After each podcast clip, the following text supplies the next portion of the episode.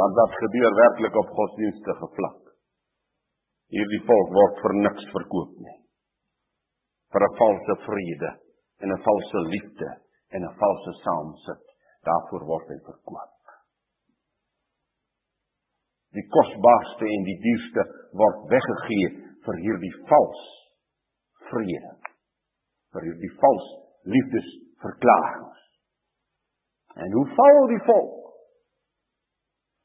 En geliefdes, terwyl ons hierdie dinge hoor, moet ons harte wakker wees. Hoe val die volk? En hoe moet ons in onsself kyk? Nou naby staan ek aan die dood. Daar's pes en daar's plaag en daar's droogte. En ons hoor alweer oor die televisie die koringoes is vir jaar so swak in Suid-Afrika dat hulle sal moet vir miljoene rande invoer teen 'n baie hoër prys. En wat het verlede jaar gebeur toe die koringoes baie was? Toe sê al nee, die boere moenie koring plant. Die boere moenie koring plant nie. Hoe sê 'n leier in die in die landbouwêreld in Suid-Afrika staan geskrywe, kan dit vir u moet ek vir u kom lees dit vanaand. Hy sê in die landbouwêreld Die regering moet die swartes help om hierdie Wes-Kaapse boere wat so uitboer te koop. Ja, swartes moet die plase kry. Dan kan hulle so baie mielies produseer. Want die mielies is mos ook soms in 'n oorskot. Dis die wyshede wat jy hoor. Eh, wyshede, ek meen, wyshede, ek maak 'n rooi kring om die woord dan. Hierdie regering in hierdie sogenaamde verligte tyd met al hulle professore wat vir hulle raadgewers is.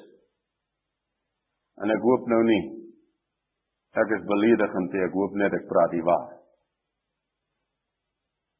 Hulle is almal saam.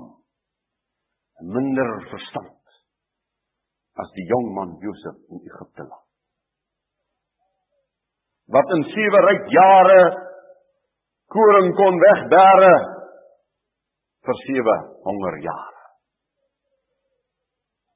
Hierdie regering is so verswak dat hy nie eens vir 1 jaar vir sy volk koring kan bymekaar maak nie. Dan wil hulle 'n land regeer. Dis die toestand waarin ons verkeer kan u dink. Verlede jare oorskot van koring. Die boere moet nie koring plant. Oorskot van mielies. Hulle moet minder mielies plant. As hulle te veel mielies het, verminder die regering die prys van die mielies. Dis net dwaase wat dit reg kry. Wat die seën en die genade van God Jahwe so verag.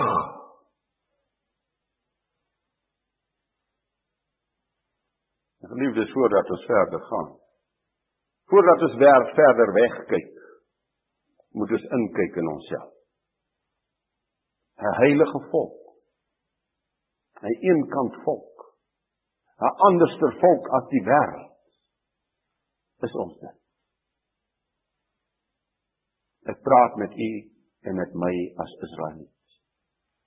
Is ons anderster as die wêreld? Hulle vra vir Yeshua, waar? Waar die aas ons saamkom. Daar is die dood. Waar die sonde is, daar is die dood. Want die loon van die sonde is die dood. So ons moet inkyk na onsself. Daar sal valse verlossers opstaan. Valse profete. Maar daar sal geëet en gedrink word. Daar sal 'n huwelik uitgegee word, soos in die dae van Noag, soos in die dae van Lot. Sonder sorge sal die mens voortgaan. En ek geliefdes moet werklik by die punt kom. En die Vader skryf dit baie skerp op my hart in die laaste tyd. Ons moet werklik uitkom by die punt waar ons anderster word as die wêreld.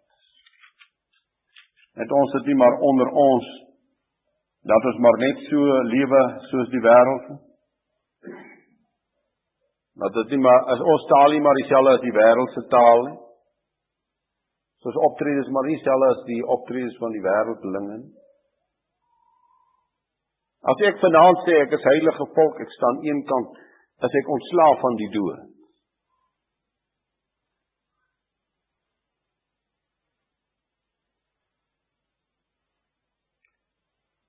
Dit staan in vers 32: Dink aan die vrou van Lot. Joshua sê dit. Dink aan die vrou van Lot. Haar hinkering na Sodom en Gomorra was so groot. Sy het gehoor sy mag nie eens omkyk nie.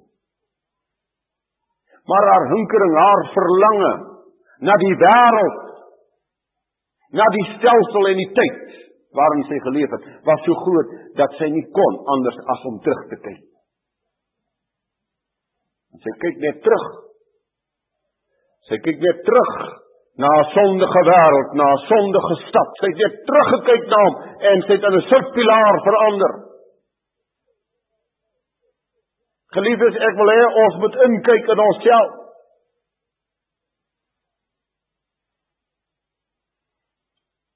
En wat is die antwoord op hierdie boodskap van vanaand?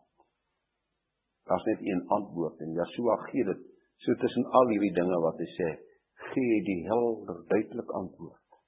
Vers 33 van Lukas 17: Elkeen wat probeer om sy lewe te red, sal dit verloor. En elkeen wat dit verloor, sal dit behou. Laat ek en jy dan nou maar liewer bereid word om nou te sterwe vir die wêreld. Te sterwe in onsself. Want as ek my lewe wil behou, sal ek dit verloor. Maar as ek vanaand en môre in hierdie tyd bereid is om myself te verloor, myself te verloor in die saak van my Vader, my te offer en prys te gee, dan sal ek lewe. Amen. Ons Vader, baie dankie.